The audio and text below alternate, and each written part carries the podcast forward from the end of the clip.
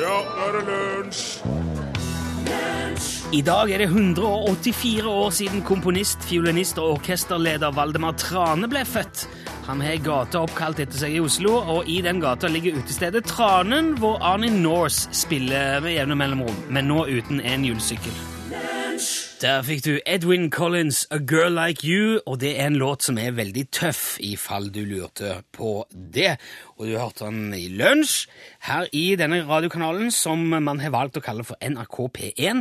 Trekk opp en stol, slå deg ned, ta fem minutter i en times tid.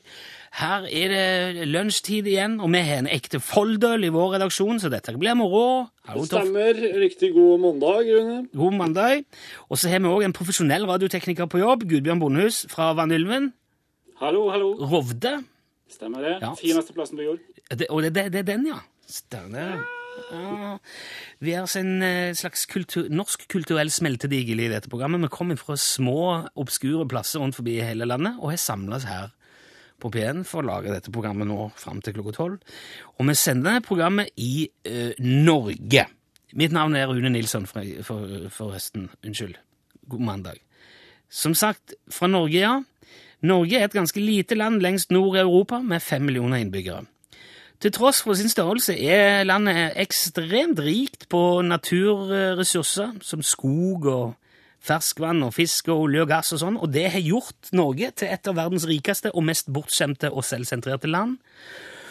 Og selv om denne voldsomme rikdommen har kommet bare i løpet av de siste kanskje ja, ca. 30 årene, eh, og det er jo faktisk ikke mer enn 67 år siden Norge var utarma og fullstendig knekt etter den tyske okkupasjonen under andre verdenskrig, og da måtte landet altså, be tynt om hjelp for å komme seg på beina igjen fra sine naboer og allierte. Det var Marshall-hjelp og, og sild og Ja. Det var flere norske byer som var rett og slett utrydda. Og mange satt igjen med mindre enn ingenting, og da var det jo bare å brette opp armene og sette i gang.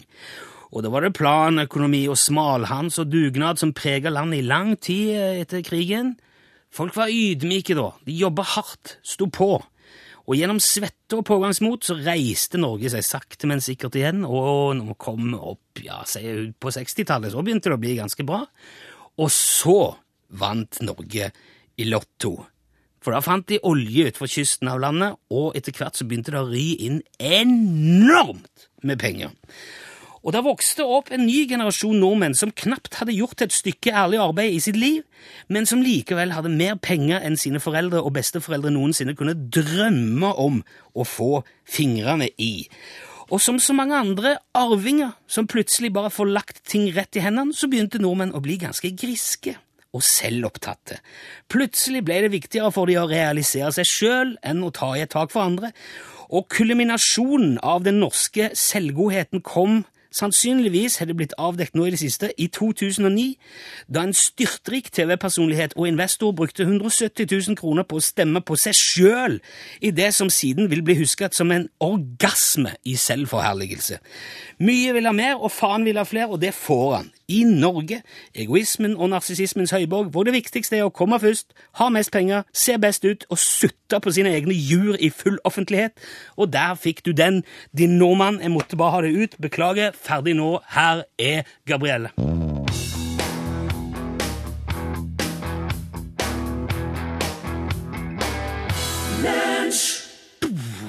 Det var Gabrielle der. Ring meg, eh, hørte du i lunsj. Starta litt, starter litt sinna i dag, på en mandag. Ja. Og starter litt feil før det, for det viser seg at Tranen er nedlagt. Ja, Trane utested. i Valdemar Tranes gate. Han, eh, Valdemar Trane der, han hadde jo altså fylt eh, Hva var det jeg sa? Han hadde fylt 184 år i dag hvis han hadde levd. Ja, Det hadde jo vært veldig rart, men eh, da tror jeg det hadde vært deg som hadde prata om. hadde nok det. Han var altså, som jeg nevnte, komponist, fiolinist orkesterleder. Og så heter det jo Valdemar Tranes gate, mm. og der ligger Tranen. Og, er, og han må ha gjort inntrykk på mange, han, for nede forbi der ligger Valdemars hage. Ja.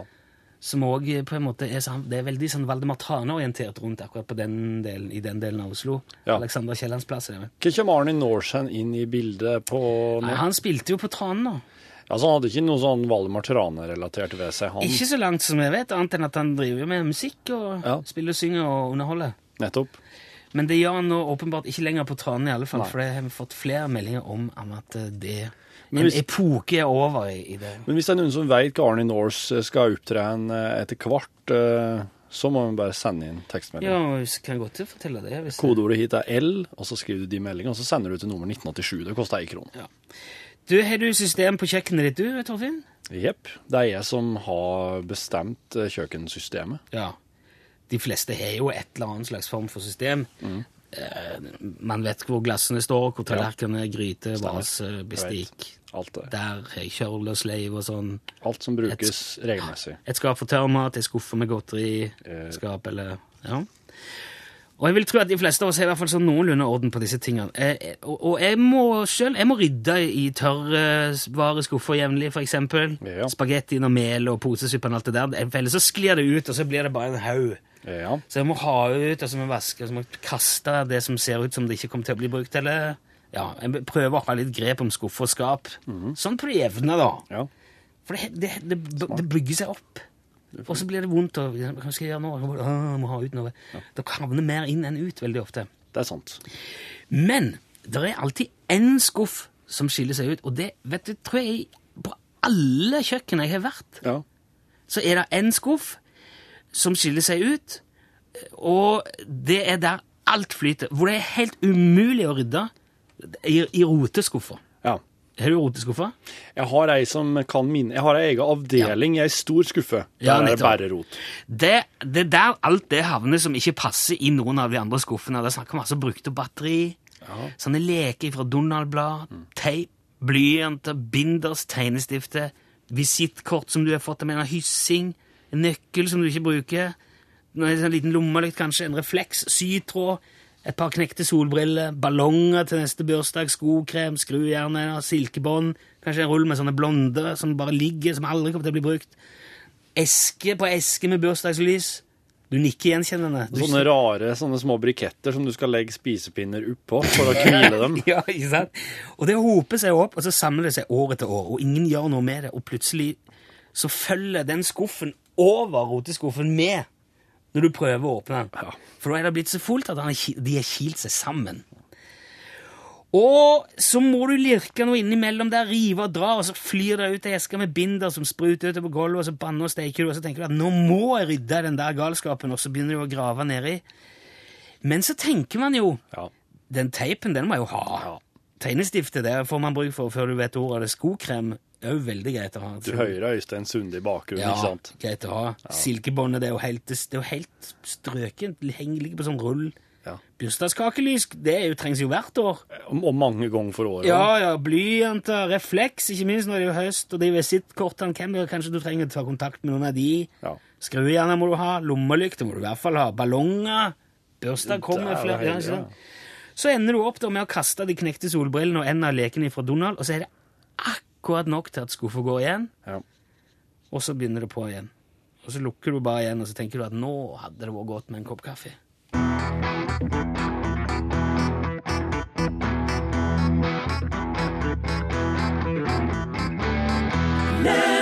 Da er det en fornøyelse å igjen kunne si hallo til Ståle Utslagsnes fra Utslagsnes. Hei, hei, du. Hallo! Hvordan står det til på Utslagsnes i dag, Ståle?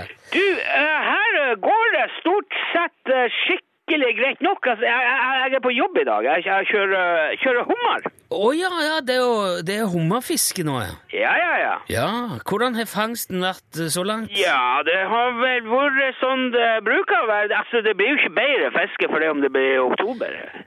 Hva mener du med Nei, altså, altså, hummeren vet jo ikke hva dag det er, eller hva måned det er. Nei, men det er jo ikke lov å fiske hummer utenom, utenom nå på disse månedene på året. Ja, altså Det er vel mer at du ikke kan selge hummer resten av året. Hæ? Ja, jeg, jeg, men jeg kjører jo aldri hummer ø, ø, om våren og sommeren og sånn. Det er jo ingen som selger hummer da, på den tida der. Nei, selvfølgelig er det ikke Men det er jo ikke lov. Nei, det er jo det jeg sier! Jo, men det gjelder jo ikke bare salg, står det. Det, det er ikke lov å ta opp hummer i det hele tatt ellers i året. Nei, Du, du, du kan jo ta opp det du bruker sjøl, eller gi, gir bort til folk du kjenner og, og, sånn. Nei, du kan ikke det. Selvfølgelig. Nei, jeg bruker jo, det ingen som finner ut av det. Jo, men hummeren er jo trua. Man har jo, altså, grunnen til at de begrenser det fisket, er jo for å prøve å redde bestanden. Driv, driver dere og fisker hummer hele året, eller? Altså, hele året det, det er jo ikke det, vi, vi har, det, det, altså, det er ingen her som selger uh, hummer utenom fiske. Nei, men tar de opp hummer utenom fiske òg? Altså, Har, har, har du blitt eh, fiskerioppsynsmann nå, plutselig? Hva er det her for noe? Tror ikke du at vi følger loven her nordpå? Ja, altså, jeg- Stort sett. Stort sett. Jeg, Ja, stort sett så Ja. gjør vi faktisk det. Dere har nå en tendens til å tolke en del lover òg, har jeg inntrykk av. Ja, du mener det? det Ja, både når det gjelder heimbrent og hummer, har jeg inntrykk av. Ja, du har så mange inntrykk, du, Nilsson. Det virker som det er ganske fort gjort å gjøre inntrykk på deg. Ja. er, nå, jeg har ikke ringt for å krangle om hummer ståle, men Nei, behøver ikke Det virker veldig sånn eh, eh, for, for min del, i hvert fall. Nei, du Egentlig så vil jeg spørre om søskenbarnet ditt. Søskenbarn? Ja, han Knut Utslagsnes. Å, herregud. Jaha, hva med han? Han eh, ringte til oss i forrige uke. Han var med på radioen her. Jaha. Ja, ja. Ja vel. Hva, hva, hva han hadde å si, han, da? Nei, masse. Han fortalte at han driver med, med lommebøker av, av kenguruer. Ja. ja, han gjorde vel det. Herre min hatt, uff. Hva mener du med hoff? Stemmer ikke det? Nei, altså, han har laga ei lommebok ut av pungen til en kenguru som han kjørte ned med bilen litt eh, tidligere i høst. Ja, det, det er bare ei? Ja, du sier meg, har du sett mye kenguru i Norge eh, før, eller? Nei, det er jo ikke kenguru i Norge. Eller i hvert fall ikke i Nei, nettopp. utgangspunktet. Han Knut meid ned én kenguru opp i fjellet litt sørpå her tidligere, og så skulle hun plutselig begynne med lommebøker. Men du vet at uh, ei høns blir ikke til ti fjær. Eh, altså, Ei høne er jo mye mer enn ti fjær. Ja, men hun, hun, kan, hun kan ikke bli, bli Altså, fordi om du har ei, ei høne Altså, Fjæra til ei høne kan jo ikke bli Ja, ei, ei, ei fjær kan ikke bli til ti høns, er det det du mener? Ja, ikke sant? Du får ikke Du kan ikke få en hel kengurulommebokfabrikk ut av én død kenguru. Nei, det skal vel godt gjøres, ja. Ikke sant? Men han Knut har jo mye i kjeften. Ja, ok, du mener det, ja. Ja, ja, vet, vet du, da han var yngre, så fant han en sånn eh, livbøye i fjæra, du vet. Og da skulle hun starte forsikringsselskap.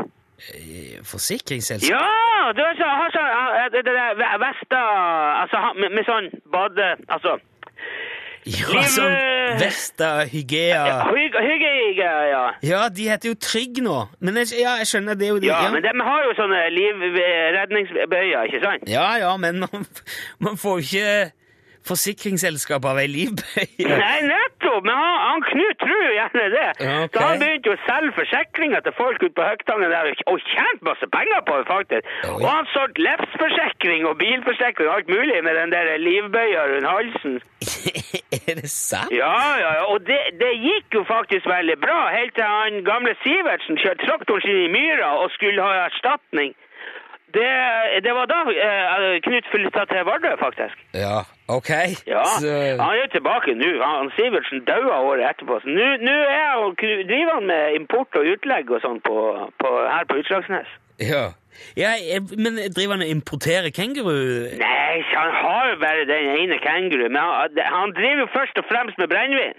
Jeg får jo òg definiseringsspriten min fra Knut. Ja, ja, han nevnte det når vi pratet med han. Sa det var tomt nå. Var det tomt allerede nå? Ja, så han hadde prøvd å få tak i det for å si ifra om eh, Ja vel. Det bruker ikke gå så fort. Nei.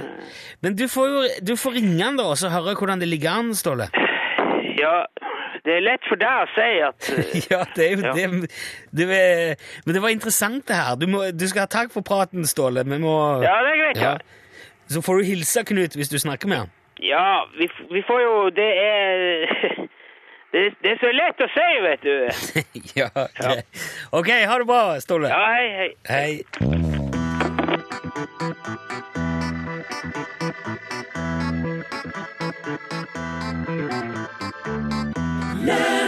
Det er så nydelig fra First Aid Kit, disse to sjarmerende indiesøstrene fra Sverige, Ja. som sang Her var det jo Blue. ja. De har jo gjort seg um, viden kjent med den, eh, Emmylou. Emmylou. Og fyri det, en cover til Fleet Foxes, som var veldig fin, Ja. som logga skikkelig rabalder på YouTube før Gangnam Style kom. Ja, du, eh, det nytter ikke å konkurrere med Gangnam Style, tror jeg. Nå er det vel rett før han passerer 400 millioner. Er det, er det 400 millioner folk med internett i verden i dag? Det er jo, det er jo bikka en milliard på Facebook, så noe må det jo være. Noe må det være. Eh, Gangnam Style er jo Hvis du ikke har fått med deg det, så må du prøve å nappe hodet ut fra under den steinen det sitter fast, og se litt rundt. For mine, mine barn altså det, Jeg må innrømme jeg har presentert dem for Gangnam Style sjøl, og Ja. de er Det er ikke stopp. Dette her er en er sørkoreansk musikkvideo. Ja. Eh, og det er, det er noe dansing som foregår her, som Det er er litt sånn ri på hest-dansing. ja, Kjempeartig. veldig tøft. Hadde egentlig tenkt å snakke om det, om det i dag, for at eh, angivelig altså Noen påstår at det er Sør-Koreas nasjonaldag i dag. Noen påstår det. Ja, men eh, altså, noen påstår at det er 15. august, da. Ja, hva, hva sier Sør-Korea sjøl, da? Nei, jeg har ikke, jeg har ikke ringt og spurt, for det er så stor tidsforskjell. Ja. Men eh, det, det er jo eh, Jeg hadde tenkt jeg skulle Det er jo mandag, det er fokus på læring. Jeg hadde tenkt å si masse om eh, Sør-Korea, om USA og Sovjet, og hvordan de Den kalde krigen gjorde at den eh, avtalen de ble enige om i, i Kairo-konvensjonen i 1943, aldri ble noe av, og at landet ble delt, og Ja. demilitariserte sonen, og ja. fritt valg i 87, og OL i 88, og alle de tingene der. Wow. Ja, så, men eh, Og jeg begynte å planlegge det ganske voldsomt, men Ja. så plutselig så dukka det opp en, en annen dato. Begynte å dukke 15. august opp. Ja, det er den da eh, bare skrinla jeg hele prosjektet, og så snakket jeg om Halvor Flatland. Eller? Akkurat, ja. Så du hadde, du hadde tenkt å prate om det? Nei, men det står, det står 15. august på Wikipedia, i hvert fall. Ja, Wiki, men Wikipedia sier òg altså 8. Men vi kan jo ikke vente helt til 15. august med å prate om Gangnam Style. Nei, kanskje kan ikke Hvis det. du hadde lyst til å nevne den som et jo- hovedpunkt. Det er jo helt fantastisk, egentlig, at en fyr som synger om, på koreansk Ja. om et område i, eh, i Seoul som heter Gangnam, Mm. hvor folk er litt sånn posh og og fine på det og har mye penger. Er det liksom vestkanten i Seoul? Ja, litt sånn vestkanten, ja. Jaha. Litt sånn høyt på strå, Beverly Hills, på en måte, i Ja. Seoul. Ja. Uh, og han gjør det altså på sitt eget språk, Ja. og, og det er nummer én i England. Han er vel nummer én på VG-lista i Norge. Han er nummer én overalt, og nærmer seg altså 400 millioner visninger på YouTube av en musikkvideo. Mm. Det er jo helt, eh, det er helt galt, Mathias. Fascinerende at det går an. Og- så er det koselig. Det er så gøy for koreanernes del. Musikkvideoen er jo en eksplosjon av farger og kostymer og folk og dyr og kjøretøy. Men det meste i, i Sør-Korea er faktisk det. Jeg har vært der. Det, det meste er en eksplosjon av farger og lyd og folk og kjøretøy. Er det det? Ja, det er det. Og det er ikke, jeg tror ikke det er en mann i Seoul uh, som kjører moped, som ikke har TV på mopeden sin. Men har han da TV-en De, de teiper han fast fram på styret, og så har de sånn pappskjerm i tilfelle det begynner å regne. Så de lager liksom eh, vindskjerm til TV-en sin av uh, papp. Men er den, fungerer de. den som en uh, GPS, eller sitter de faktisk og ser på et underholdningsprogram mens de kjører moped? Ja, begge deler. De har ofte to og tre. De har, I taxien har de både TV og GPS og litt andre ting. Ja. Ja, ja. Så det er jo ikke mye de ser ut, for det er mye skjermer i synsfeltet. ja. Men det er veldig interessant å, å se og være der. Og så har de jo disse her toalettsetene da, som jeg har vært innom på mange ganger, som, som både spyler og tørker og masserer og varmer. Nå, nå, nå, nå syns jeg jo at Sør-Korea kommer til sin rett da, med Gangnam Style, som, uh, som er en video, den mest sette videoen eh, noensinne snart. Kjempekoselig, syns jeg. For det, det høres ut som de er verdens beste på TV. Land på TV. Ja, på TV, på laga TV, liksom. På å se på og følge Ja, ja, ja, på og, og bruke TV-en på en helt sånn massiv måte. Følger veldig med. Og de er verdens tolvte største økonomi Eller de er verdens tolvte beste land å bo i. Altså, de er, vi er jo nummer én da, på sånn HDI.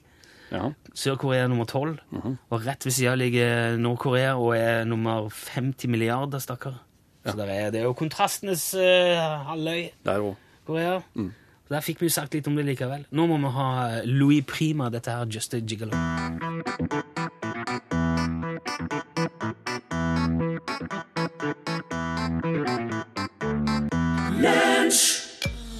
Hva gjør artisten Prince? akkurat nå.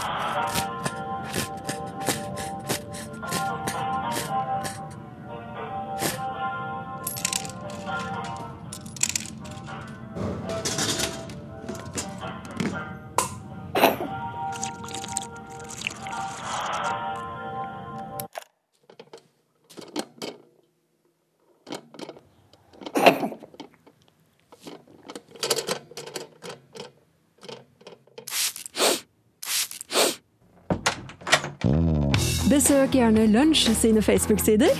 Facebook.com skråstrek lunsjnrkp1. Der hørte du Depuy. Det var en låt som heter King. Og vi skal til den kanskje minst forutsigbare av alle våre spalter, Torfinn. Jepp. Dette her er fast eh, hver dag på tampen av sendinga, sånn er som fredagene. Eh, hvis eh, Nei, det er jo ikke det. Det er kommer jo og går.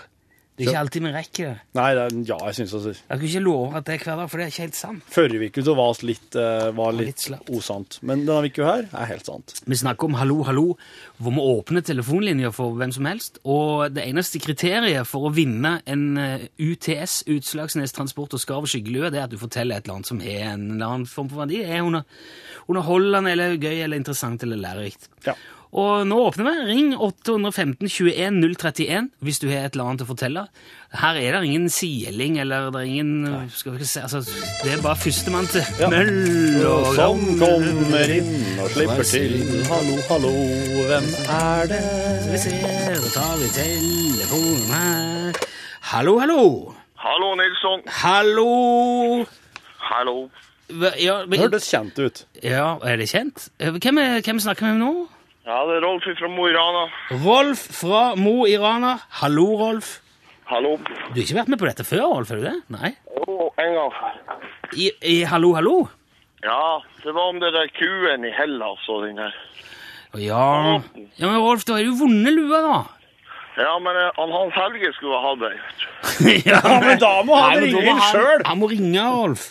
Vet du hva? Nei, men eh, vet du, Tidligere sier vi bare når folk har sagt at de har vært med før, pang, rett ut. Du må, du må be Rolf Helge ringe sjøl. Sorry, vi har- men det er et sånt ufravikelig prinsipp. Én gang per mann, altså. Ja, men jeg har jo jævla god historie, vet du. Ah, ja, men vi kan, det blir jo feil, det blir jo urettferdig. eh, Det blir jo urettferdig, Rolf. Ja, jeg kan ta den uten hua, da. Du, Vil du fortelle ei god historie utafor caps? Ja. men det betyr at noen får, noen får ikke sjanse til å vinne caps. Det betyr det. Kan, ja. kan vi ringe i morgen, Rolf, og så forteller du han da? Det kan jeg gjøre. Ja, fint. Uh, vi gjør det, Rolf. Tusen takk for at du ringte, men uh, regler er regler, vet du. Men okay. Uh, ok, vi hiver på nå, og så ser vi om det er noen andre som er klar til å hive seg på. Og hvis de er det, så skal vi få en ny sjanse. Ja, for det er litt Altså, i verste fall da, så får vi Nå er Rolf, vet vi at Rolf er en veldig flink historieforteller. Ja da. Og så ender vi opp med at eh, Ja, Hei, hei, du. da, vi prøver en gang til. Hallo, hallo! Hallo! Pip! Hallo, hallo. Nå er du på radioen. Det vil si, i det sekundet du sier noe, så er det på radioen. Har vi kommet til en telefonkiosk? Kanskje i uh, Hallo? Nei, den må vi legge på igjen. Ja, det her er siste sjanse nå. 815 21 031 hvis du har lyst til å fortelle et eller annet artig. også. Vi prøver bare en gang til. Hallo, hallo? Hallo! Hei, hvem har vi nå med? Nå snakker du med en som heter Johan. Johan. Hallo, Johan. Velkommen til oss. Hallo, Rune. Hei. Så hyggelig. Har du ringt før, Johan? Nei, det er jeg. ja, så koselig. Ja, men, fordi... det, Katt hver dag.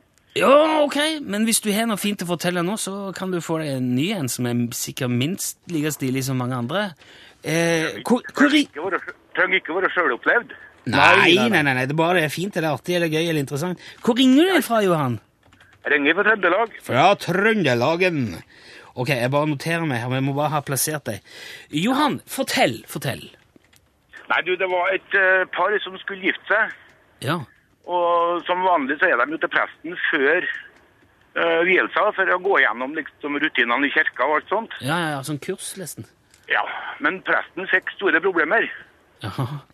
For navnet på brudgommen, det var Hans Lem. Hans Lem! Hans Lem! Ja, og det er klart for presten å stå i kirka foran 200 personer og si at vil du ha Hans Lem som står? Er Som hos deg står! Nei, det kan ikke være. Da fikk jeg litt problemer, men så spurte presten da, for jeg prøvde å roe seg ut av det, at har du ikke et mellomnavn da, sånn i tillegg? Jo da, sa brudgommen, jeg heter for Hans Store. Det der må jo være en vits, eh, Johan. Fins det Nei, noe som heter Hanslem? Hanslem? Jo, Ja. ja, ja, men det, jeg, jeg kjøper den, jeg. Jeg synes den var Ja. Vi lo veldig godt i alle. Til og med Gudbjørn var med og lo her. ja, det er bra. ja. Johan, eh, supert. Du må holde telefonen litt, så vi får adressen din. Det skal jeg gjøre. Ja, eh, Tusen takk. Her skal vi ha litt Bo Kaspers Orkester imens. Send e-post bokstaven L for lunsj. Krøllav fra nrk.no. Der var om Bo Kaspers Orkester, verdens ende, i lunsj. Og nå er jo også snart lunsj eh, kommet til en ende. Og det betyr at Pål Platsen skal ta over eteren. Det var noen en gang jeg sjekka inn på et hotell i Stockholm, så noen som sa eh, Paul Placén. Plassen! Ja, og det synes jeg hørtes litt fint ut, egentlig. Ja, Det er han adelige, det. Ja, for Kanskje jeg von Placén. Tenk deg hvis du hadde begynt å kalle deg Pål Plassen. Ja. Da hadde du fått litt tyn når du kom hjem til ja. Du, jeg har fått så mye tynn fordi at jeg har tatt bort Ikke tatt bort, men eh, at jeg bare sier Pål Plassen, for jeg heter jo Pål Hovengen-plassen. Ja. Og det er jo litt eh, trist for den andre sida av slekta. Som syns Ja, det er litt ja. ja. Kan du ikke si Pål H. Plassen? ja, men det, det er så fint med PPP. P-plassen. Ja, ja, du, det er jo det. PP. Ja. PPP, sa du nå? ja, PP bare, da. Å ja, ja, ja. Ja, ja. P- Var ikke det drops P- en gang? P- PP, ja. Jo, Ja. jo, jo. Og så ja, P3 lagde sånn parodi på det med P3-logoen istedenfor PP som dropsboks. og- Dere er så gamle, altså. Det er gamle referanser som smeller veggimellom hverandre. Du, apropos eh, gamle referanser ja, ja, vil du avslutte noe før jeg sier Nei, noe? nei, nei. Nei, nei. Jeg, for det har jo på en måte tenkt at du Ja. Eh, har du ikke noe forhold til slanger, eh, frosker, altså pinnedyr, sånn, sånn type kjæledyr? Eller sånn hobbydyr? Nei, jeg Nei.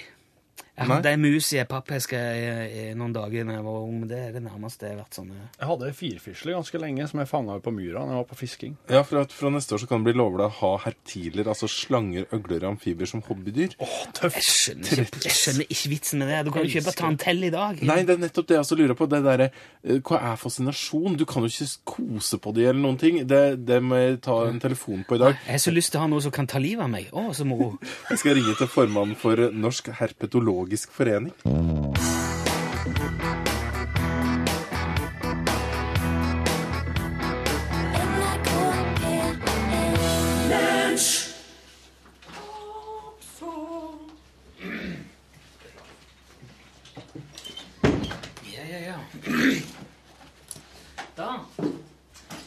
Kan velkommen til podkast-bonus ifra Lunsj, NRK P1.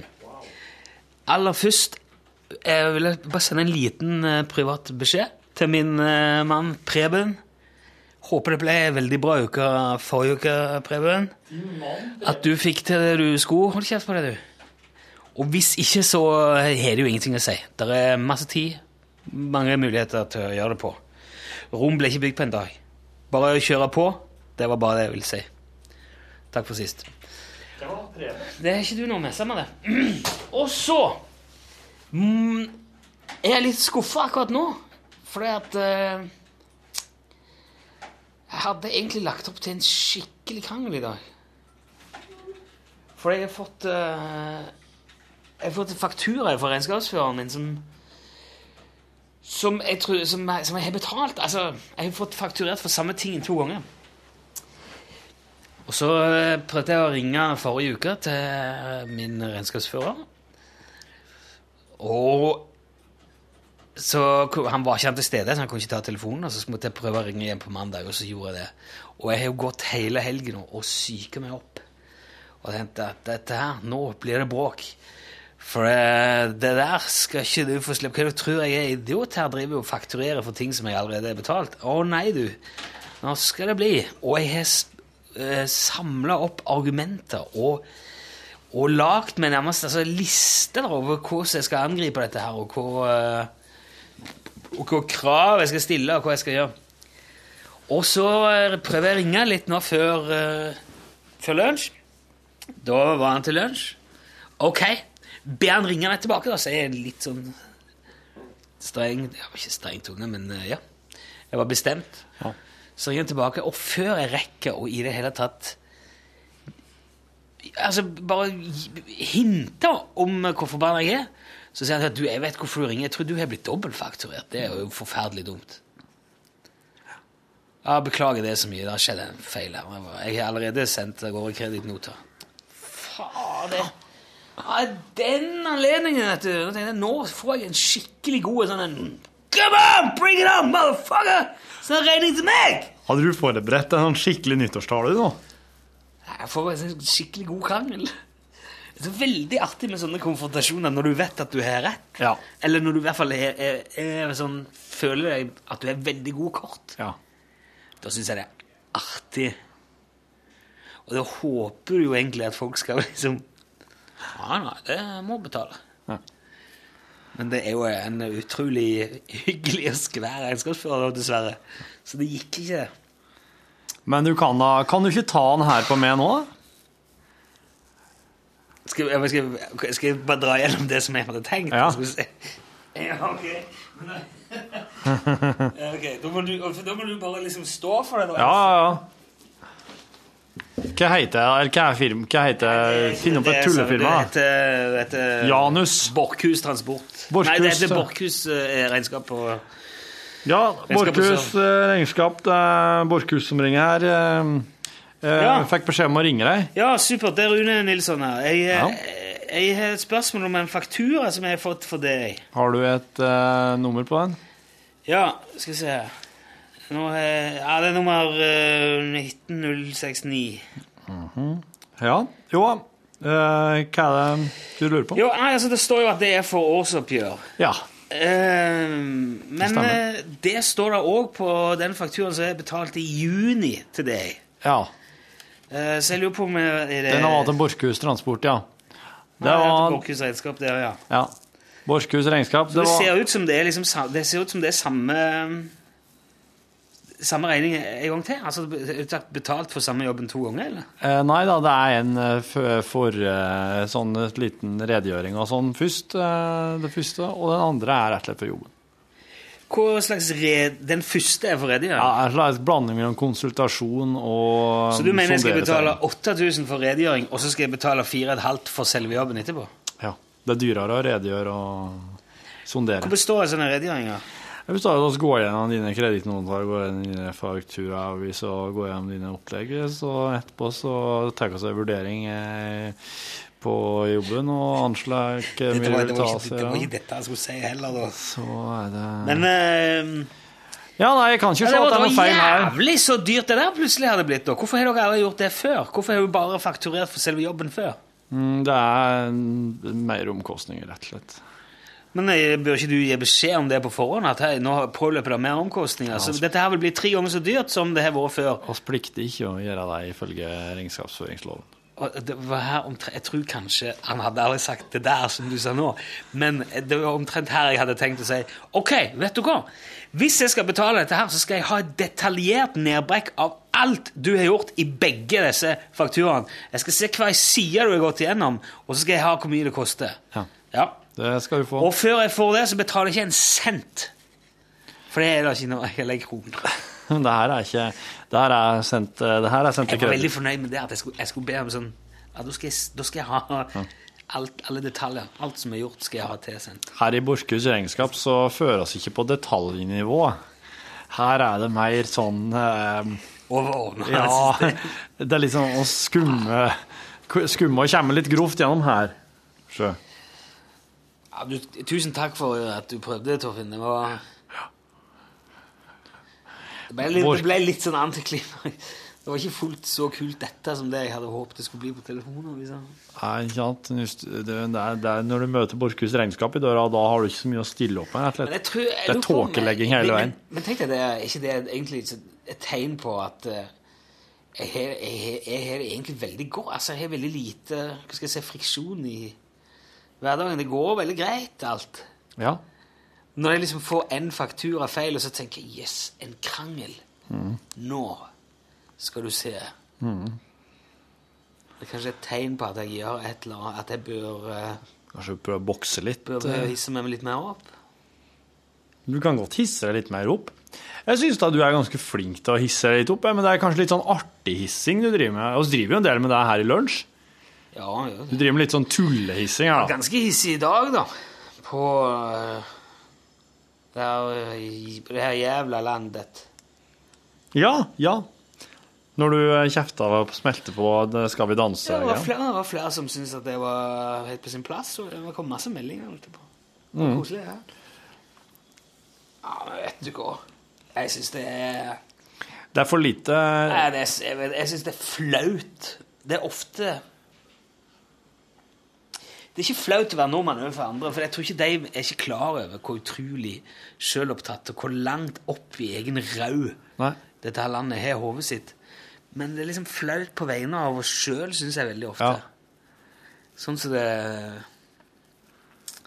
Og nå, nå altså du, Sånn som du sier, at du høres ofte ut som At jeg høres ofte ut som jeg er 700 år gammel i hodet og sånn. Ja. Jeg vet ikke hvor det er, men eh, Jeg skal Jeg syns vi er så Folk er så jævla historieløse. Det der som jeg sa i dag, om at det er ikke mer enn Det er 67 år siden krigen slutta. Bodø var, fantes ikke. Namsos fantes ikke. Nei. Det var flere byer som var utsletta. ja. Dette, deg hvis noen av, det der, eh, av oss, da, av vår generasjon, hadde Ja. opplevd det samme. ja. Hadde bare satt oss på en eh, grushaug utpå der og sagt Ja, skal ingen komme og rydde opp? Hva faen er det jeg betaler skatt for? Og send, begynte å sende brev sånn, til kommunen for at de ikke kom og bygde opp huset. Og hvis de hadde gjort det, som de sikkert hadde gjort, det, vet du, Ja. så hadde jeg klaget på at det tok for lang tid. At det var feil maling, feil flise på det nye badet. Og, og så hadde de bare prøvd å tuske til seg boblebad og sånn der jævla Samtidig, ja. spa, dampdusj og sånn samtidig. Og lyge på seg at de hadde badstue og sånn. Ja. Ja. Der er det, sånn eh, føles det som det har blitt, da. ja. Jeg tror jeg, for at jeg hadde, jeg hadde en veldig god venninne da jeg var liten, som het, eller yngre, som het Torbjørg. Jeg tror jeg snakket om hun før. Hun satt i fengsel under krigen. Da var hun bare hun, hun ble satt i fengsel da hun var 14 eller noe sånt. ja. 13-14. Var jo Nei, brødrene hennes var. Ja. Så mor ble sendt på grine med en gang, og hun og søstera var igjen alene i byen. Og så eh, ble de fengsla. ja. De skjøt folk som sto rundt dem. og sånn. De stilte de opp etter veggen, så skjøt folk med sida av dem, for de håpet om at de skulle røpe hvor henne Alf og Edvin og sånn var henne. Det gjorde de visst ikke, da. Men de visste ikke heller. Nei. Men det ble veldig sånn eh, Når jeg hører, Hun fortalte jo masse om det der. Hun, var, hun var enslig hele livet. Hun bodde for seg sjøl, så vi var mye på besøk hos henne. Hun fortalte jo om hvordan det der eh, hadde opplevdes, liksom. Og på en, jeg tror på en litt sånn annen måte enn mange andre gjorde. Det, var ikke sånn foredrag på skolen, liksom. Nei, nei. Det blir mye mer leve, kommer mye nærmere når det er liksom en Ja. Og hun var liksom kompisen vår, Ja, ja. Hun var jo spesiell. Sånn artig. Hun lærte oss å spille poker. Ja, ja, for hun var jo, hun var jo liksom på en måte gammel nok til å være mor deres, sikkert. Bestemor. Bestemor, ja. Mm. Og ja, og ei slik ei som dere var for og spilte kort og sånn. Jeg skjønner. Ja, ja, ja. Jeg kjenner, kjenner litt typen. Kanskje var masse på besøk. Det var masse der. Dro alltid til Torbjørn. Ja, ja, ja. Ja. Um, det er sånn gjensidig eh, glede av ja, det, er- jeg, sett- Vi så på henne som en kamerat og en kompis. Men eh, hva tenker du skulle vi på en måte ha arrangert en slags eh, sånn liten borgerkrig for å få eh, den oppvoksende generasjonen til å få perspektivene riktig? Borgerkrig er jo ikke kanskje nødvendig. Men hva skal en gjøre da for å på en måte la dem skjønne hvor heldige de er? Hvis at de er historieløse og ikke har opplevd noe, noe fælt og noe nød, så Jeg har jo ikke det, jeg heller. Eh, men eh, hvordan skulle en gjort det? Fett, feite og mette i ei krukke med honning, vet du. Det, Ja. det er jo eh, Det er jo bare Det er ikke, et- det er ikke et reelt problem i livet for de aller, aller fleste av oss, egentlig. For det har ikke vært noen løsning å bare innført sånn tvungen verneplikt og sendt alle på litt utenlandstjeneste? Lite grann? Jeg vet ikke. Jeg, tror, jeg kan ikke forstå at det skal være nødvendig å måtte måtte liksom oppsøke en forferdelig situasjon, som krigssituasjon eller noe sånt, for å kunne skjønne, sette pris på hvor bra du er det. Nei. Men jeg blir så provosert av alle som tar alt det der som foregår i Norge som en jævla selv... Ikke som en selvfølge. Utrolig hvor fort det gikk fra å være et privilegium til å være en selvfølge og en rettighet. Ja. Det har ikke tatt mange år. For liksom, det var en fantastisk mulighet og en utrolig Ja. gave til å bli en uh, noe du har fuckings krav på, og det med ei jævla gang, eller så blir det bråk her. Ja, en ser det i Ser du i alle forskjellige alle slags sammenhenger når det plutselig noe no- Noen ting trenger ikke å være lenge før det plutselig blir en vane, og at det blir et, uh, en sjølfølge at det skal være der. Altså han der eh, er han, snak, komikeren som snakker om uh, internett på fly. Louis C.K. Ja, Louis C.K., ja. Han sitter, og så sitter de, han sitter på flyet, og så er det wifi der, og så er det en fyr som sitter på siden og prøver. Og så funker det liksom en gang, og så sier han sånn ah, så der, ja. Og så detter det ned, da. Ja. Det virker ikke. Og da sier han meg sånn ah, Typisk. Så det tok altså fem minutter Ja. Ifra å være noe helt fantastisk som han får oppleve Ja. i en stol 30 000 me eh, eller 10 000 meter over bakken, Yes. til å bli noe han hadde fuckings krav på. Ja. Ja, det er litt uh, Instant gratification. Jeg fikk, jeg fikk en e-post eh, fra en eh, Stig Arne, som, eh, Ja, som kunne Stig Arne! fortelle at eh, Skal finne fram altså, det er ordrett. Han, hadde, han lurte på om Han hadde vært i Folldalen i helga. For det at eh, det var nemlig slik fatt at en kompis til han La meg få finne det her, her nå. Han hadde vel blitt frastjålet bilen sin, Ja. lastebilen sin. Sitter her og tar med en lakrispipe etter lunsjen og må undre litt. Har du vært i Folldal i helga, Torfinn? Hadde du problemer med å finne og ta riktig bil igjen? Han har referert til da eh, vandrehistoria som oss planta vet du, i podkasten. Ja, ja, ja, ja. Det her tror jeg nemlig kan bli en ny vandrehistorie. Lastebilen til en bekjent av meg ble stjålet lørdag kveld, ser du, og ble funnet i går kveld. Prikk, prikk, prikk. I Folldal. Prikk, prikk, prikk. Jeg insinuerer ingenting her, jeg bare stiller et innlysende spørsmål som du får mulighet til å dementere, dementere, avvise før noen, i hermetegn, drar paralleller og ringer 02800 her. Jeg vet ikke hva det er. 02800. Folldal er da ikke så stort at det kan eh, handle om mange stykk hver helg som skal fra Trøndelagsfylken og dit. Så her er altså en bil som har blitt stole i eh, Trøndelag, og som så dukker opp igjen på i Folldalen. Og det Det skal jeg si deg, Stig Arne, at um, altså helt fram til på 90-tallet så var jo uh, Da var jo det et aktivt gruvemiljø i Folldalen. Og uh, den moderne, den industrialiserte gruvedrifta som, som dreiv på på Hjerkinn, da, spesielt, den, var jo, den foregikk jo med lastebiler, hjulastere, store boremaskiner. De kjørte dem inn i fjellet. Det var sånne store haller. eh, enorme sånne tunneler i fjellet. Ja, Rune, du har hånda oppe. Det er to fine replikk. Replikk? Bare sånn helt, bare husker du hva henne, for jeg la merke til at på alle plasser sa Gjerkin i dag. Ja, det er noen som sier Skjerkin òg. Skjerkin? Skjerkin, ja. Gjerkin. Skjerkin. Ja, Skjerkin er jo mange Der, der, går, der kan jeg faktisk si å Skjerkin, men jeg sier Gjerkin. Du kan si Gjerkin. Kan si Kan du si walla walla wobby wobby, Huela wela wobi wobi. men ikke om Gjerkin? Eh, ikke Gjerkin. Nei, du kan ikke si Ja, det kommer jo folk helt til fra walla walla bobby bobby. Ja, det det. kommer jo folk helt ifra Walla Walla Bobby Bobby. Ja, men du bruker aldri det istedenfor Kjerkin? Eh, nei, det er Nei, å nei! Å bruke det om Jerkin, nei! Prøv å finne går grensa for hvordan du kan si det navnet. Ja. Kan du si Hølkjør? Hølkjør, Ja, jeg kan si det, men jeg ville ikke bruke Kjerkakt! Nei, innselsk, det blir forvirrende. Ja, du sier ikke jørkøyn Nei, jeg sier ikke jeg sier. Gjærkuk. Nei. Gjærkuk sier jeg iblant, men det handler om noe annet. Ja, ok. Gjærkuk er hvis det penis er blitt Hva er den drøyeste måten du kan si kjer- kjerkin på? Det må nå bli herreskin. Ja, ok. Men da kan jeg risikere å fornærme noen samtidig. Ja. Hvor var det med disse bull- bulldoserne og fjellet? Og Jo.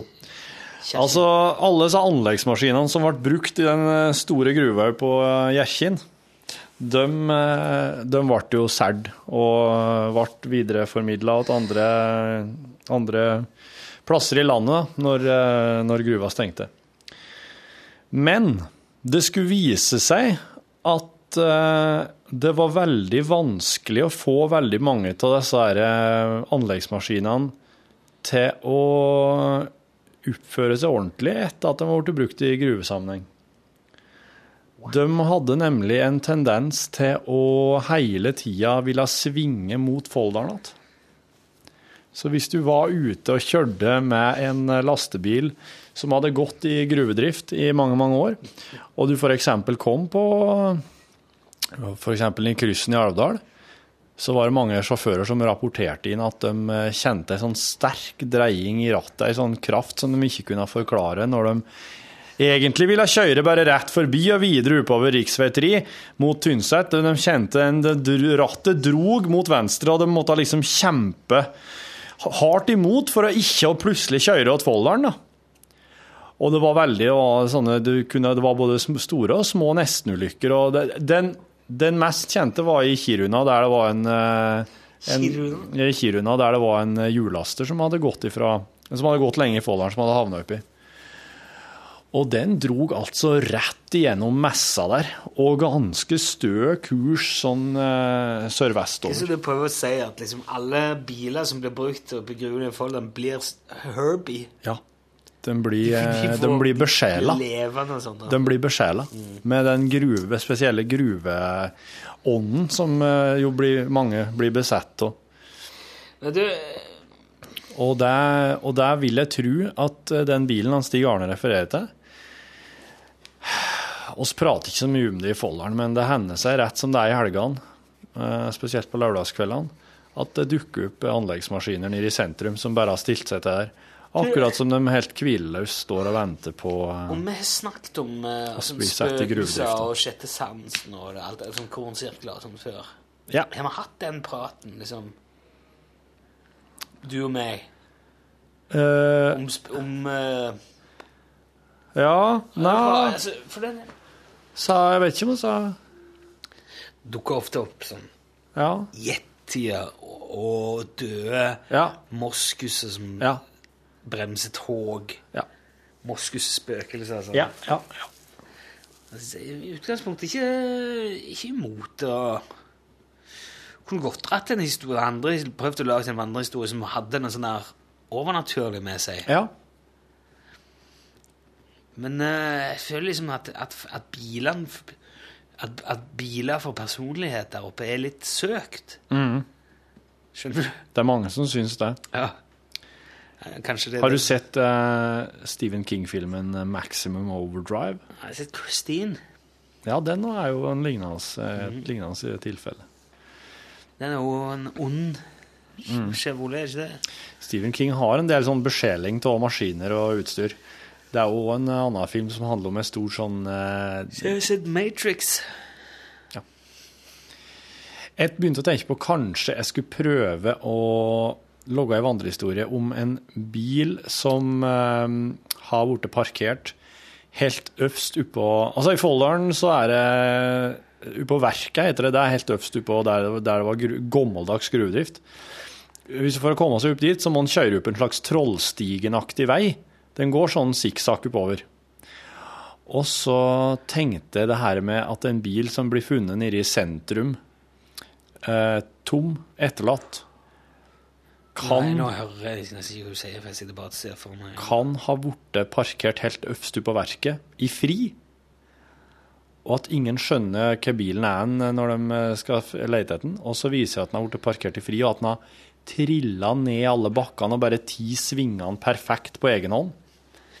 For at den har blitt kjørt så mye opp og ned der at, den, at, den liksom, at eh, bilen har blitt prega av svingene den har kjørt i, og at den, at den triller ned i fri og stopper helt nesten, nesten på Våleren. I Jeg så, sentrum. jeg så for meg at uh, Si at din sønn Ja. ble speilvendt. ja. At han, at han liksom Jeg vet ikke hvordan det skulle skjedd, da, men at det kunne vært en sånn kul eh, At det kunne vært liksom punchen i At han ble Det skjedde noe som gjorde at han ble speilvendt. Ja. Han ble liksom snudd. Før var det jo sånn du skulle si Hva er det du skulle si? Du skal, ikke Red Drum, men du skal si Bloody noe Mary. Sånn, Bloody Mary. I speilet, ja. I speilet, og så skal du åpne, og da får du se Da får du se et forferdelig ansikt. Ja, er det det? Ja, det, og det er, det, er, det er noe med at du liksom skal få se Satan sjøl, da. Eller noe Ja. Du påkaller den liksom ved å si Bloody Mary tre ganger. Ja. Ok, så si at, uh, si at uh, guttungen din hadde gjort det, da. Ja. og så dukker djevelen opp bak ham, og så snur han seg og slår til ham. Er det Eller det kunne vært du, du sjøl som gjorde det. Snart til å smelle ned djevelen. ja. Og dermed ble du, den dagen ble du speilvendt. Altså at uh, For jeg jeg kanskje har hatt en føflekk på Ja. høyre kinn, og den var på venstre etterpå. Og du kan se det på bilder ifra at det er noe feil. ja. Det er noe som har skjedd, ja. Ja. Ørsmå Før og etter den dagen. Sånne små detaljer. For det, det ser du. Hvis du tar, hvis du tar bilde av deg sjøl Ja. og speilvendene, så ser du at det, det er skrudd. Mm. For jeg, jeg, med- jeg har jo Det ene øyet mitt står mye lenger ned enn det andre. Jaha. Ja, Det mener jeg kan se veldig ofte på bilder. Sånn, så ser Se rett på meg. ja. Ja, det ene er kanskje litt høyere oppe. ja, jeg tror det, altså. At det, at det høyre liksom er litt lenger ned. Og så ene neseboret mitt er mye At det- større enn det andre. Ja, ja, ja, det er det. det, det sånn var det kanskje sånn var det Ja. ikke før. Nei, sånn var det ikke før. At neseboret er litt smalere, det er jo, det er jo kjempe Ja. At jeg rett og slett har det, det kan du fortelle til ungene når de blir litt eldre. Når de skal fortelle seg sist, tror jeg. Ja. Jeg ble speilvendt en gang da jeg var 17. Ja. Ja. si. Det, det er kanskje det her blir ei vandrehistorie. Den, er, den, den kommer ikke folk til å tro på. lurer på hvor det kom ifra. Plutselig bare fikk jeg sånn for meg at noen ble speil. Men speilvending er jo veldig det, For eksempel, den personen som jeg ser i speilet hver dag, Du var ikke, kanskje, du var det er ikke den du ser hver dag. Nei, nei. Ikke sant? Jeg ser deg jo rett. Ja, du ser meg rettvendt. Den den du ser på bildet, ja, det er den jeg ser. ja. Hvis du hadde hatt et sånn skikkelig sånn trekk som hadde vært bare sånn helt, helt åpenbart, så hadde det sikkert vært veldig forstyrrende, kanskje, for, det, for den som har det, og på en måte drive og se blande mellom bilder av seg sjøl og speilbilder og sånn. At du er sånn eh, Eller si at du har et stort fødselsmerke på ene halvdelen av fjeset. Og, s- Eh, Nei, Two-Face. Two-face, ja. Two-Face i uh, Batman. ja, ja. Han får jo brent av halve Ja. Eller han i eh, Boardwalk Empire her Mm. også mangler jo halve ansikt.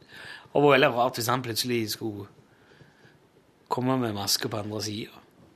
Det hadde det. Kanskje du var keivhendt før, før den dagen når du var 17 år? Mm. Kanskje, kanskje. Ja, at alt ble speilvendt, ja. ja. Tatoveringa mi ble plutselig her. Tatoveringa jeg har over hjertet, kom plutselig over på andre sida. Ja. Da begynner det å ligne noe. Ja, Kanskje du har hjerte eh, Og du kan jo si har hjerte på feil side. Kanskje Å ja. Men du, det fins! Vet du hva? Ja. Nei. Det, det, det går an. Det går an å ha hjertet på venstresida. Ja. Bare- Eh, Hæ? Ja, bare sånn tilfeldigvis så har det skjedd. Ja, ja, ja, ja, Hvor var nå det? Å, unnskyld, Arild, hvis du hører det. Jeg var ute i Jeg var i skauen. Jeg var hjemme, jeg var hjemme i sommer i Egersund. Ja. Og så traff jeg Arild, som jeg var sammen med i Røde Kors i gamle dager. ja. Og han, sa det, han fortalte om det der. Hvor var han? Pokker han sa? At eh, For det er sånn du må ta hensyn, du må tenke på hvis du får opplæring som hjertestarter og sånn. Ja. For det fins noen ytterst få som har hjertet på en annen plass. Ja Og nå begynner det å komme ei annen, vandrehistorie her, merker jeg. Hvor var det han sa? Ja, det der det skal vi grave litt i. Det kunne vært fint å snakke om i morgen. Kanskje vi har tak i den legen igjen. Jeg, eh... Ja, jeg lurer på, jeg vet ikke om det da gjør skade eller ikke gjør skade. Jeg må tenke hvordan du finne ut Du klarer ikke å finne ut det. Hvis noen har hjertestans, og du ikke hører hjertet, så klarer du ikke å finne ut om det ligger der eller der. Jeg hadde aldri i verden felt meg inn heller at hjertet kunne at jeg må høre på en annen plass. Det må nå bare være i så fall på venstresida. da. Du kan ikke plutselig ha det nedi maven eller at det er på ryggen. Nei, lysken og sånn. du kan Ja. Nei. Nei. Men at det kan ligge liksom dratt over på andre siden. Ja. Ja. Ja. Være liksom litt vridd og skrudd på en sånn rar måte. Det Mm. går visst an. Jaha. det skal jeg sjekke. Hjertet Men hvis du kjenner på Du kjenner ikke hjertet på venstresida når du har det på høyre. Du kan ikke kjenne noe dunking på venstresida. Nei, men altså Så hvis du, hvis du har hjertet på venstresida, så er det liksom, da kjennes det jo helt stilt ut på høyresida. Jo, men eh, hvis du har fått hjertestans, så vil du ikke høre det på noen av sidene, uansett hvor det ligger. Nei, da er det greit. Men hvis du Da er står det greit! Ja, men da, er, da er det greit, da er det hjertestans.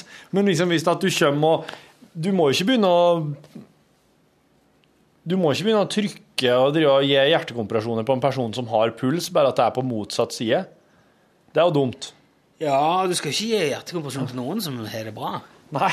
Det er jo egentlig ikke noe jeg holder på med. Det er en grei leveregel, egentlig. Ja, det er nesten som uh, If it ain't broke, don't fix Ja, it. don't fix it. If it ain't smoked, don't uh, Eat it. has is it, eat it.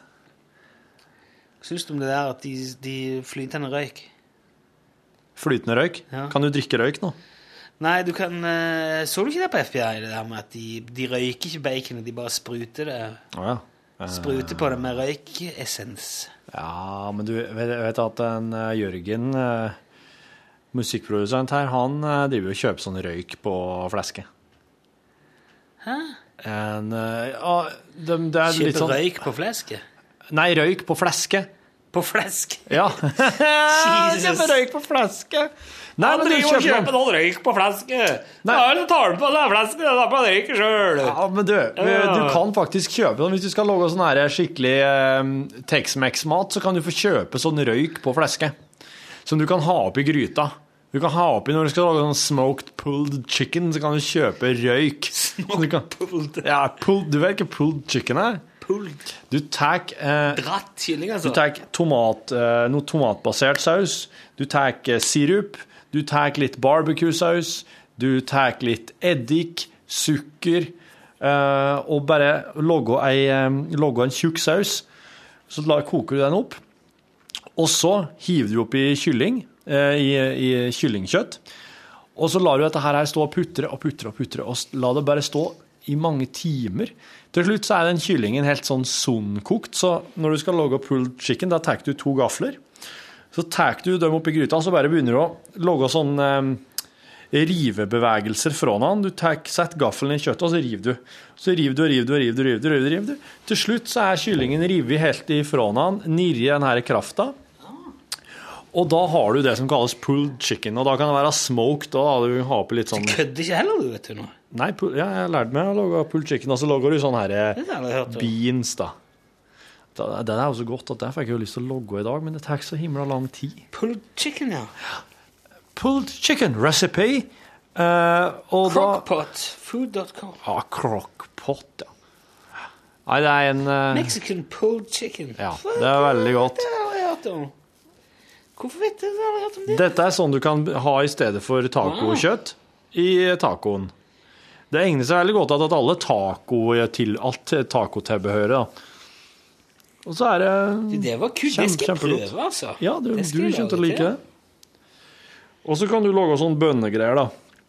Bare koker opp bønner og moser i hop med litt forskjellig eh, hvitløk og lauk og sludder og snaskens. Olje, løk, Mm. kummin, Ja, spiskummen, kanskje. chili, Mm, Ja, chi chilien er jo liksom Den salt og pepper, tre fjerdedels kopp salsa. Ja. I dag så var det en kar som tipsa oss om en plass på nett som heter tror jeg, der du skulle det, det skulle bli en norsk nettbutikk der de skulle selge bare forskjellige typer chili. ja, Zippy. Skal ha mer enn 20 forskjellige typer chili. Det er jo en uh, Chili-familien er jo stor og variert, men det er jo ikke slik vi nødvendigvis er så klar over her i Norge, da. Men det er jo mange Du får jo sånne det, Men det er jo ikke flere ganger på butikken. Chipotle-chilien er visstnok så sterk at den kan liksom bare stoppe eh, en, en massiv fagforeningsbevegelse. Det skjønner jeg. Jeg skjønner ikke vitsen med det. Men du får sånne Du får sånne greie beger med, masse, med flere forskjellige typer oppi. Med sånn habaneros og coconadas og piri-piri og hili-hili. Det Og det her, får du i butikken nå. Så da har du sånne små porsjoner, sånn små med forskjellig skull. Det Et brett med Ja. Mange plaster så er det mange forskjellige forsenkninger. Men det, det er jo noen av de er jo Og så står det sånn styrkegrad bakpå. Ja. Hva er det de regner de? De, de måler de noe. Det heter, jeg husker ikke hva det heter, men ja. Det er en spesiell skala. ja, det er sånn opp til Og den verste er sånn to millioner eller et eller annet. Og det Ja. er sånn en så du, Ja, ja, det er du, får, du får slag. Ja, Alle ja, ja. som spiser den, bare Ja. får slag og dør. Og alle som Tar fyr. Og hvis du gir det til en person som har slag fra før, så vil den komme seg igjen. okay. Kåre seg til hekta igjen. Du, de, apropos sånn måleenheter, nå kommer det snart en ny sånn måleenhet for støy nå. Det er ikke, blir ikke desibel lenger. Og Eh, Lunsj var jo med i et program som heter Kurer. Det er noe eh, anleggsmaskin utafor. Det er sikkert noen som har problem, for den vil dreie mot Folldalen, regner jeg med. Gruvemaskin. Og det, er sånn, det, er en, det er ikke sikkert du hører dette, men det er akkurat som en maskin som står på tomgang på en sånn ekstremt feil frekvens som treffer akkurat midt i Han økte bitte litt. Økte bitte litt nå.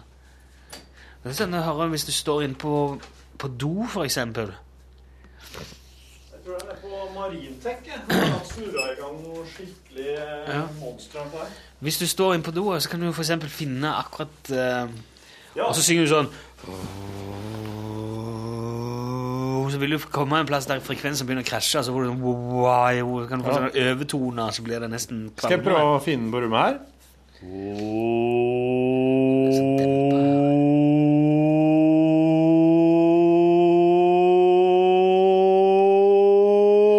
skal jo klare det her inne, for det, er så mye. Det så mye matte og sånn. Hva var den nye lyd... Det er en ny, eh, det er en ny sånn skala som skal Som skal eh, på en måte angi hva, hva folk klarer å høre, litt sånn ut ifra alder og sånn. At eh, er gammelt folk som hører på P1 på radioen, kan liksom risikere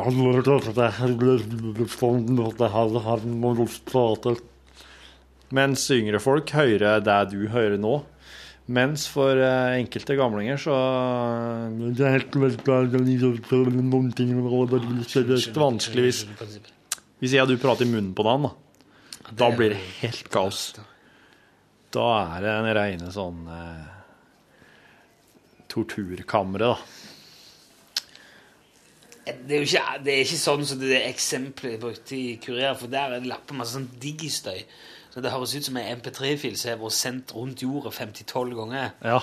Det er Gått gjennom en sånn kore- sørkoreansk moped-TV, og så ut Er ikke det rart hvordan veldig mange sånn eh, Spesielt i eh, Asia Altså, eller, eller Å ja, ja, mange eh, arabiske land så virker det som de har liksom ingen tanke for taletydelighet og Nei. Når de setter opp anlegg og sånn skal holde taler, så er det altså, helt vesentlig hva folk sier. Skal vi legge noe artig lyd her mens jeg pisser? For jeg må forferdelig pisse. Jeg skal bare si Rune Nilsson. Torfinn Bakhus, jeg runder av. Jeg bare går fint. og tisser, Torfinn. Så det er kanskje, kanskje mer enn nok allerede. Du skal ha takk for at du uh, hang med på podkast. Det blir ny i morgen. Ny, ny hver dag som vanlig.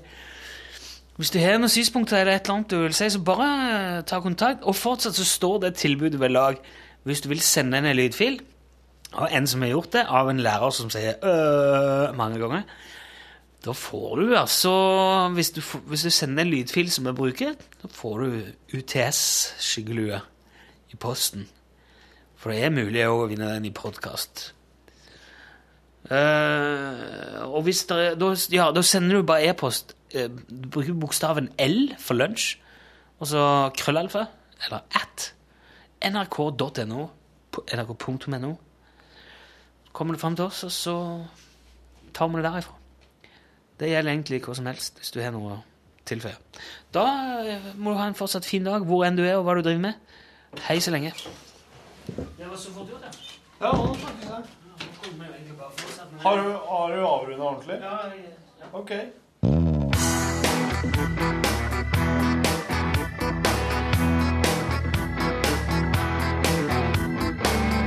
Mensch!